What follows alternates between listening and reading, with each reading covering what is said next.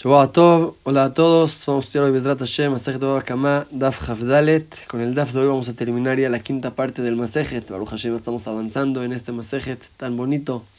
Y en el Daf de hoy vamos a estudiar cómo se define a un toro corneador. Cualquier toro es manso. ¿Cuándo se convierte en toro corneador? ¿Cuándo un toro corneador se puede volver a convertir en toro manso? Vamos a ver diferentes opiniones y en general es el tema del DAF. Empezamos el DAF al final del Amud pasado, en la Mishnah donde dejamos el DAF de ayer. Dice la Mishnah, primeras dos opiniones con respecto a este asunto. Dice la Mishnah es de Utam Bezo Moad.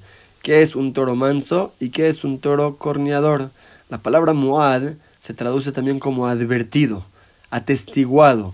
Dice la Mishnah, primera opinión, Moad, un toro corneador, cuando ya atestiguaron sobre este toro que ya corneó en diferentes tres días, ahí se convierte en corneador.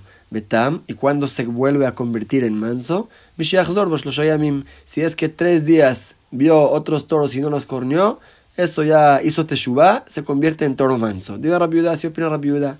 Según Rabiuda, no alcanza con que cornee tres veces. Aunque corneó tres veces, si fueron en el mismo día, no se convierte en corneador. Debe ser que sea tres días diferentes. Entonces, para convertirse en Muad debe ser tres días y para convertirse en un toro manso debe también que sean tres días que vio toros y no corneó. Rabbi Meir Omer, Rabbi Meir dice diferente. Muad Shidu Para que sea toro corneador alcanza con que atestiguaron tres veces que corrió, aunque fueron en el mismo día, también se convierte en corneador, ya, ya corneó tres veces. Betam, y cuando se convierte en toro manso, un toro que ya corneó varias veces, cuando se convierte en toro manso, Kol si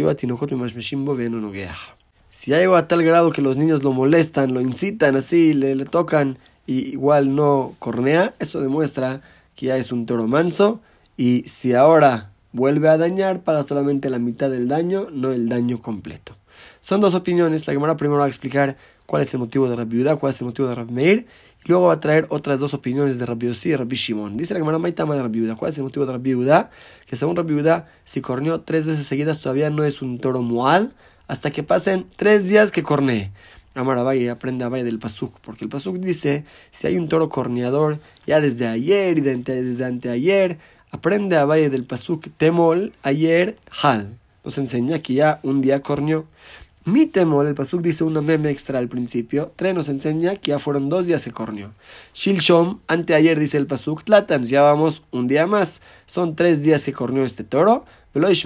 Si ahora su dueño no lo cuidó, Atan y Harvit, y la cuarta vez que cornea ya se considera otro corneador, paga completo. Así opina Valle. Raba Amar, Raba dice, diferente la de allá. Temol mi temol had, lo que dice el pasuk desde ayer y desde anteayer, no puedes decir que son tres días. Ayer es uno y anteayer es otro. Entonces, aunque el pasuk diga mi temol, pero es un día, tanto temol, tanto mi temol es had, un día. Shilshom, anteayer, tres, son dos días. La tercera corneada ya el dueño debe de pagar completo, así opina Raba, así explica Rashi. Tosafot pregunta sobre esta explicación de Rashi, porque sabemos que hasta la cuarta vez no debe de pagar completo, pero de todos modos de este pasuk se aprende el motivo de la viuda, que no alcanza con que cornee tres veces, debe ser que corneó tres veces, pero en diferentes días, que ya lleva desde ayer, desde anteayer, que ya corneó en diferentes tres días tres veces, y ahí es cuando se convierte en corneador de Rabbi Meir Maitama. ¿Y cuál es el motivo de Rabbi Meir? Que no debe ser que sea en diferentes días, aunque fue el mismo día que corneó tres veces, se convierte en toro corneador. Contesta la Gemara de Taña, dice la Braitama Rabbi Meir, dijo Rabbi Meir, Hayav, Lokol Sheken, si cuando el toro alejó sus corneadas uno del otro, corneó en un día, y luego en otro día, y luego en otro día, igual se convierte en corneador. Cuando corneó en el mismo día tres veces, no con una razón que es un toro corneador, no necesitamos pasuk para eso, eso es por lógica, así dice Rabbi Meir. Amrul Jaime le discutieron, le dijeron, no, Zavatojiach, una mujer, Zava, va a hacer la prueba. ¿Qué qué? teora, que si una mujer le sale de su cuerpo Ziva un día y otro día y un tercer día se convierte en Zava.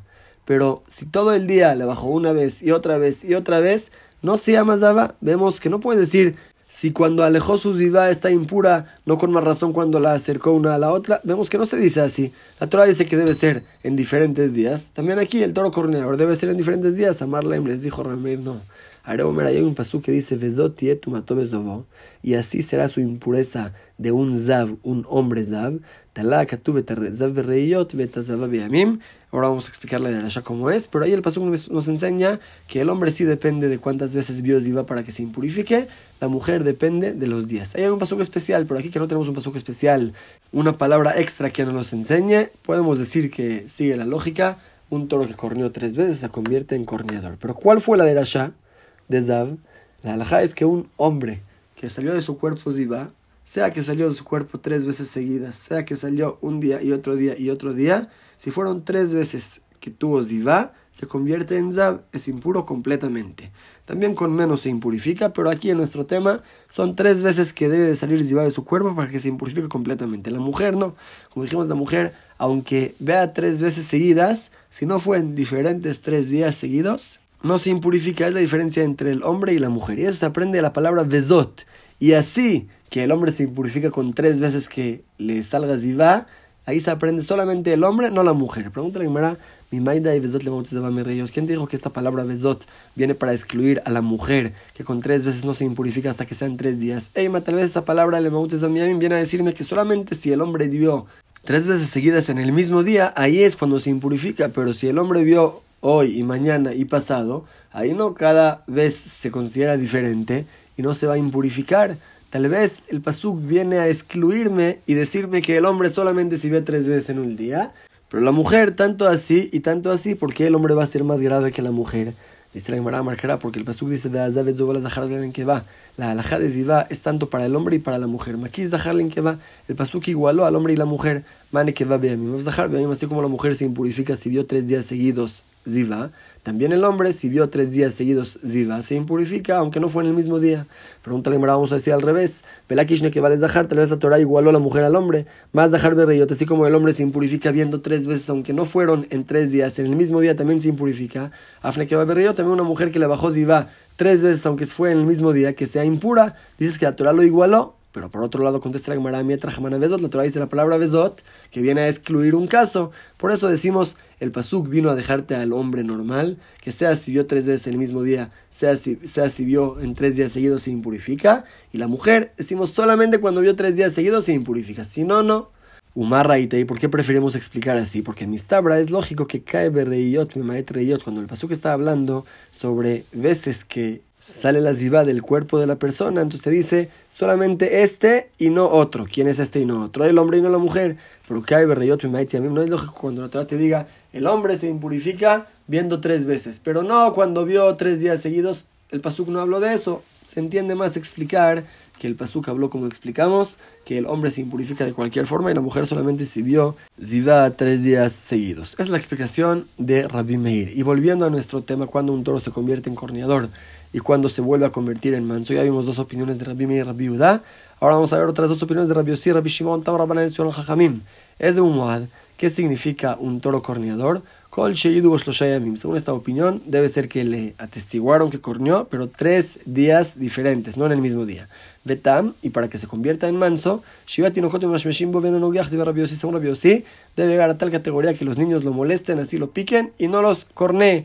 Según Rabbi Yossi, es difícil que se convierta en corneador. No alcanza con que cornee tres veces, debe ser tres días diferentes. Pero también es difícil que se vuelva a definir como manso. Debe ser hasta que los niños lo molesten y no cornee. Y Rabbi Shimon mira al revés. Rabbi Shimon dice, Muad, para que se haga corneador es fácil. Todo tiempo quiere atestiguar un tres veces sobre él, que corneó tres veces, aunque fue en el mismo día, se convierte en corneador. Para que sea manso, debe ser que sean tres días que pasaron y vio animales y no los corneó, ahí es cuando se vuelve a convertir en toro manso. ¿Cómo queda la alhaja en estas cuatro opiniones? Amar Rav Nachman, Amar Rabada alhaja que Rabbi Bemuad, la alhaja que da como Rabbi de nuestra Mishnah en el tema del toro corneador, que es solamente cuando corneó en diferentes tres días. ¿Cómo sé? Ya Rabbi modelo, Ahí está que Rabiosi aceptó con él. Rabiosi mencionó que así el toro se convierte en corneador. La que Rabbi Meir Betam, y la es como Rabbi Meir, que un toro se vuelve a definir como manso solamente cuando los niños lo molestan y no cornea. Ya Rabiosi modelo, porque ahí está que Rabiosi mencionó lo que dijo Rabbi Meir para que se convierta en toro manso. Quiere decir, dijo que la alhaja es como Rabiosi. Aquí le dio la razón a Rabbi Yehuda y aquí le dio la razón a Rabbi Meir. Amal Rabbi Nachman le preguntó a Rabbi Nachman, de ley mamor el que Rabbi Meir muacha Rabbi Shimon modelo, el que Rabbi Yehuda betam Rabbi Shimon modelo. ¿Por qué usted no dice la alhaja es como Rabbi Shimon? También Rabbi Shimon le dio la razón a Rabbi Meir en un toro corneador que es con tres veces que cornea, aunque no fueron en diferentes días. Y un toro manso se convierte hasta que pasen tres días que no cornee Amarle le contestó, Ana que Rabiosi viral. Y yo la verdad opino como Rabiosi, de Rabiosi ni Mukoyimo Rabiosi siempre tenía su razón con él, siempre explicaba bien sus motivos. Por eso yo prefiero decir que la alhaja es como Rabiosi. Y así queda la alhaja, que para que un toro sea corneador, debe ser que corneó tres veces, pero en diferentes tres días. Y para que se convierta en manso, debe ser que los niños lo molesten y no los cornee. Eso demuestra que ya hizo Teshuvah, que ya no es toro corneador. Esa es la primera parte del LAF cuatro opiniones cómo el toro se convierte en corneador y cómo vuelve a ser toro manso. Pasamos a la segunda parte del DAF, que la Gemara va a preguntar, estos, estas tres veces que se necesita atestiguar que este toro corneó, ¿para qué es? ¿Nada más para que el toro se convierta en corneador? ¿O es para advertirle al dueño, oye, tu toro está corneando, una y dos y tres, y si la cuarta vez no lo, no lo cuidaste, pagas completo? ¿Cuál es la finalidad de estas tres veces? Y vaya luego preguntaron los hajamim. Los Shayamim de están esos tres días que mencionamos, ¿Leyahu de Torah o Leyahu de Gabra? ¿Son para convertir al toro en corneador así nada más o es para advertirle a su dueño? Le of camina, ¿cuál es la diferencia para qué es?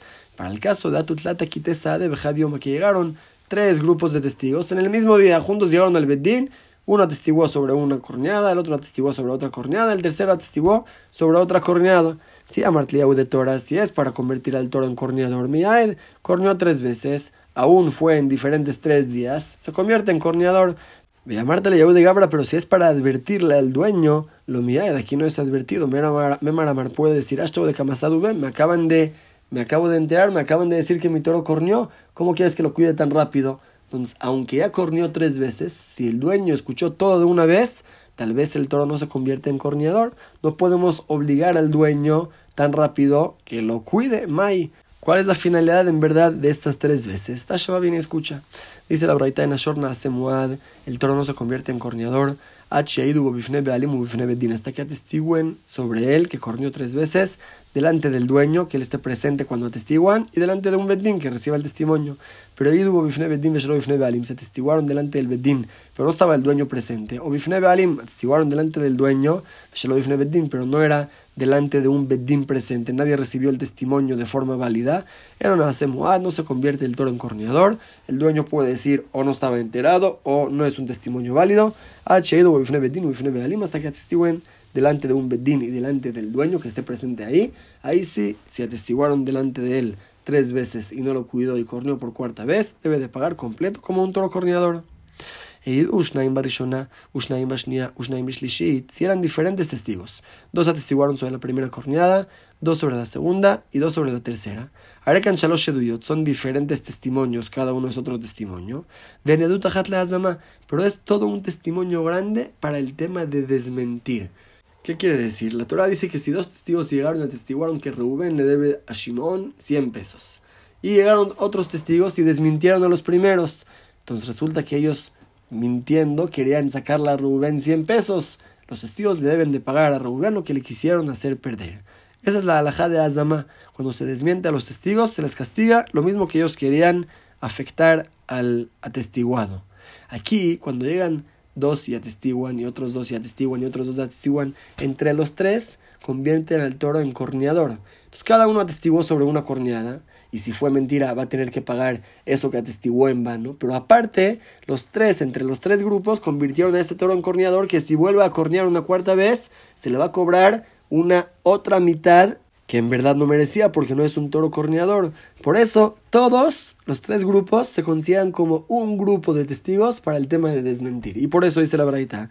Hay otra alhaja que para castigar a los testigos debe ser que desmientan a todos los testigos. Si llegó un grupo de cuatro testigos para mentir y atestiguar sobre algo, y al final desmintieron a tres y uno no lo desmintieron, no podemos castigar a nadie. Así se aprende del pasuk. Entonces aquí aunque cada testimonio es testimonio diferente sobre otra corneada, pero ya que entre los tres grupos convierten al toro en corneador, entonces para castigar a uno de los grupos sobre esa segunda mitad extra que quisieron obligar a este dueño de toro a pagar, eso solamente cuando desmientan a todos, como la verdad lo dice.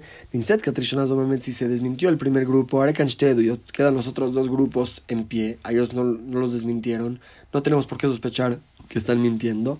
Beupatur, el dueño está exento de pagar la primera corneada, claro, porque resultó que era mentira. Ben Peturim, pero también este primer grupo que los desmentimos, sí deben de pagar lo que quisieron obligar al dueño a pagar la primera corneada, la mitad del daño, pero la segunda mitad de convertir al toro en corneador, ahí no deben de pagar porque todavía no se desmintieron todos. Lo mismo si el segundo grupo también se desmintió, sobra el tercer grupo, todavía sigue en pie, Peturim y el dueño, por supuesto, está exento de pagar la segunda corneada que no existió, pero también los testigos están exentos de pagar eso que querían convertir al toro en corneador. Cuando Nimset si se encontró el tercer grupo que también mintieron, ahí desmintieron a los seis testigos, todos pagan, aparte de que cada uno pague su corneada, que quisieron obligar al dueño a pagar cada uno la mitad del daño, aparte entre todos deben de pagar la otra mitad extra, que según sus palabras el toro se convertiría en corneador. Y sobre eso dice la Torah, y la harán al testigo como trató, como tramó de obligar a pagar a este atestiguado. Todo eso es la verdad. Y ahora la Gemara analiza, y amarle de Torah Shapir. Si es que necesitamos solamente con los tres testimonios convertir al toro en corneador, entonces está muy bien la verdad. Entendimos, no nos falta nada en la explicación. El Ayamart de Gabra, pero si en verdad se necesita advertirle al dueño tres veces, si el dueño necesita estar advertido de lo que pasa, si lembro a ¿por qué los primeros, el primer grupo de testigos va a tener que pagar y participar en el pago con los otros dos grupos de la segunda mitad extra. Lemon de pueden decir, el primer grupo, Anan Mia Vayadinan, ¿acaso nosotros sabíamos de Batar Dele, que después de tres días van a venir otros dos grupos de testigos y van a atestiguar que este toro es corneador? Quiere decir, nosotros atestiguamos sobre una corneada. Es lo que queríamos obligar al dueño a pagar, la mitad del daño. No sabíamos que iban a venir otros dos grupos de testigos para mentir y atestiguar que este toro ya corneó otras dos veces para convertirlo en corneador, ¿por qué nos obligas a participar en este pago? Amar Rabashi dijo Rabashi, da Rabkana. Yo dije esta prueba delante de Rabkana. Amarli me dijo también al revés. de Torah mi hija. Y si sí es para convertir al toro en corneador, también se entiende por qué todos los tres grupos de testigos deben de participar en este pago. Le que digan los últimos aún el tercer grupo de testigos que llegó. Pueden decir, Anan Menaya Dina, nosotros, ¿por qué nos vamos a imaginar de Kol de Kae Bedina la su de? Tú que todos los que están parados en el Bedín vienen a testiguar sobre el mismo toro. Anan Lejayo Vegabra, Palganis nosotros venimos solamente para que tenga que pagar la mitad del daño de este hombre. Quiere decir, la Gemara no entiende por qué en verdad puedes conectar entre los grupos de testigos. Cada uno puede decir, yo vine a testiguar solamente sobre una corneada, es lo que vi, es lo que vine a testiguar, sí mentí y sí me van a cobrar. Lo que quise obligarlo de forma falsa, pero solamente la mitad del daño. No me imaginé convertir el toro en corneado. Yo, yo no tengo que ver con los demás grupos de testigos. Conteste la Gemara, los casos son de Kame, Ramze, Ramuzde. Estaban haciendo señas entre ellos, esos tres grupos de testigos se conocían muy bien y nos damos cuenta que ellos vinieron con la idea de convertir al toro en corneador. O Rabashi Rabashi dijo que fin estamos hablando que vinieron seguidos, o sea, vinieron juntos en, en, grupo, en bola. Seguro fue su intención convertir al toro en corneador. Y Rabina Amar, Rabina dijo otra tercera Tercer caso que puede ser, Memakirimba la de un Makirim Estamos hablando que conocen al dueño del toro pero no conocen al toro. Vinieron a testiguar, nosotros vimos un toro de Reubén que corneó, no sabemos cuál es. El Aejimia de cómo se va a convertir en corneador. De hambre, porque dicen los testigos, Tora Nagejana tú tienes un toro corneador en tu rebaño y va a la natura del culebacra, debes de cuidar todos tus toros. Llegaron tres grupos de testigos y los tres dijeron, vimos al toro de Rubén que corneó, no sabemos cuál, pero era el mismo toro. Entonces estaban los tres juntos, los tres grupos. Ahí no pueden decir, no nos conocíamos, ahí está que se conocían los tres grupos y por eso van a tener que pagar entre todos la última mitad. Pero para nuestro tema no tenemos una prueba clara si es que la idea es convertir al toro en corneador o advertirle al dueño tres veces que cuide su toro para que no cornee otra vez. Y pasamos a la última parte del DAF, y vaya luego preguntarnos a Jamim, ¿cuál es el dinero que agarra el perro de Rubén y se lo avienta a Shimón para que lo muerda?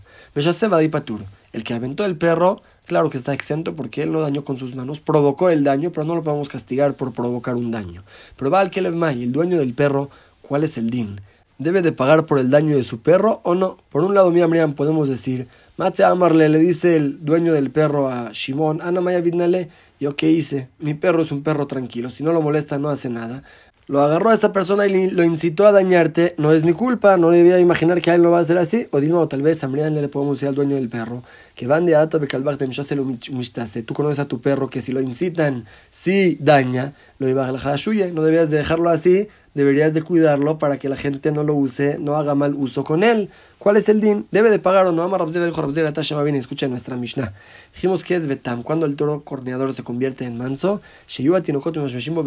cuando llega a tal categoría que los niños lo molestan, lo pican y no cornea. Anogeach se entiende que si sí cornea, Hayab debe de pagar, aunque lo molestaron, él solito no fue y dañó, también debe de pagar.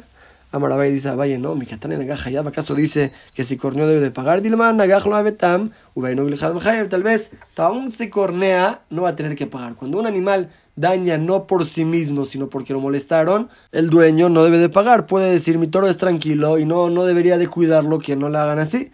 Solamente la Mishnah está diciendo, este toro corneador, para que se convierta en manso, debe llegar a tal grado que aunque lo moleste, no cornea. Pero no hay ninguna prueba si, si debería de pagar si cornearía o no. Tashema viene escucha otra prueba. Dice Shisabo etakelev. Si es que Rubén agarró el perro de Shimón y se lo aventó a Levi. O Shisabo Nahash agarró la serpiente de, Shimón y se la aventó a Levi. Patur está exento. Mailav Patur Meshase. Se entiende que está exento el que provocó el daño, Rubén. Pero el dueño del perro de la serpiente va a tener que pagar. Se Eima Patur Meshase. Podemos decir que también el que lo aventó está exento, pero con más razón el dueño del perro, de la serpiente, que no hizo nada, su perro es tranquilo, no debe de dañar, él no lo debe de cuidar y por eso va a estar exento si lo hizo. No hay prueba tampoco de aquí cómo es la alhaja. Pero Amarraba llega Raba y dice, Intimcelomar, aunque digamos, y así es la alhaja, que Amshasek al Bosh el Javero Javero Hayab. Si Rubén tomó el perro de Shimon y se lo aventó a Levi, entonces Shimon va a tener que pagar por el daño de su perro. Shisau Beatzmo Patur. Pero si Rubén empezó a molestar al perro de Shimon y el perro dañó a Rubén mismo, ahí está exento Shimon. Maitama, ¿cuál es el motivo? Porque le dice, Kola Patur. Todo el que cambió y otro le cambió, está exento. Tú empezaste a molestar al perro, aguántate, te dañó, es tu culpa, no me puedes culpar a mí. Amar a Rapapa le Rama, le dijo Rapapa a Rama, sí, Itmar Mishmed Rashlakish que batej, estudiamos el nombre de Rashlakish como tú dijiste, el nombre de Rashlakish dice Rashlakish, Shte parot Rabim, si hay dos vacas, están caminando en la calle. Pero Ahat Revutza, una se estacionó, se sentó a la mitad de la calle, me alejet y la otra siguió caminando normal. Bata me alejet Barbutza, si es que pateó, el animal que está caminando pateó al animal que está estacionado sentado, Tura está exento, aunque lo dañó, está exento. Solamente si fue al revés, el animal que estaba sentado pateó al que está caminando, ahí debe de pagar. ¿Por qué cuando el animal que está caminando patea al que está sentado está exento? Que le dice, ¿quién te pidió estacionarte a mitad de la calle? Aquí no es un lugar para sentarte. Veamos que cuando la persona hace algo raro y por eso lo dañan, están exentos. También aquí hiciste algo raro, empiezas a molestar a un perro. Si el perro te dañó, va a estar exento el dueño del perro. Así le trajo la prueba a papá a Raba de las palabras de Resh Lakish. A Amarle le dijo Raba, Ana Yo, en este caso que mencionaste, sí opino que debe de pagar la vaca que pateó. De porque le decimos que y si te molesta que me estacione, bueno, camina sobre mí. Si eso te molesta, sigue caminando. Y si me dañaste caminando, sí vas a estar exento. Pero le te la reshuta. ¿Por qué me pateas? No tienes permiso de patearme. Ahí sí debe de pagar, dice Raba. Pero igual aquí en este caso, que el mismo Rubén molestó al perro y el perro lo dañó, Shimon está exento de pagar el daño de su perro porque tú fuiste el que lo provocaste. No me puedes culpar del daño de mi perro. Dejamos aquí el DAF de hoy y vamos a repasar los las que estudiamos. Estudiamos al principio, como ya estudiamos que hay toro manso y toro corneador, que el toro manso paga la mitad del daño y el toro corneador paga completo. ¿Qué se considera un toro corneador y cuándo se vuelve a definir como manso? Vimos cuatro opiniones, dos en la Mishnah y dos en la Baraita en la Gemara. La quedó como la opinión de Rabbi que para que un toro se convierta en corneador no alcanza con que cornee tres veces, sino debe ser en diferentes tres días, como se aprende del Pasuk, y para que se vuelva a definir como un toro manso, debe ser que los niños lo toquen, lo molesten, lo inciten y no los cornee. Eso demuestra que ya se tranquilizó, ya se vuelve a convertir en manso. De paso aprendimos la alhaja de Zabá, que un hombre con tres veces que tenga Zivá ya se convierte en Zav y la mujer hasta que sea en diferentes tres días. Después estudiamos en la segunda parte del DAF, ¿para qué son esas tres veces? ¿Para advertirle al dueño o es para convertir el toro en corneador? Como la camarada dijo, el caso que va a hacer diferencia es si llegaron los tres grupos de testigos juntos, que ahí sí convirtieron al toro en corneador, pero el dueño puede decir, yo no sabía que mi toro es corneador para que lo cuide, me acabo de enterar. Esa fue la duda de la camarada, la camarada no la aclaró. Pero de paso aquí también aprendimos una alajá, que un testigo que miente y lo desmintieron debe de pagar lo que quiso hacer daño al otro.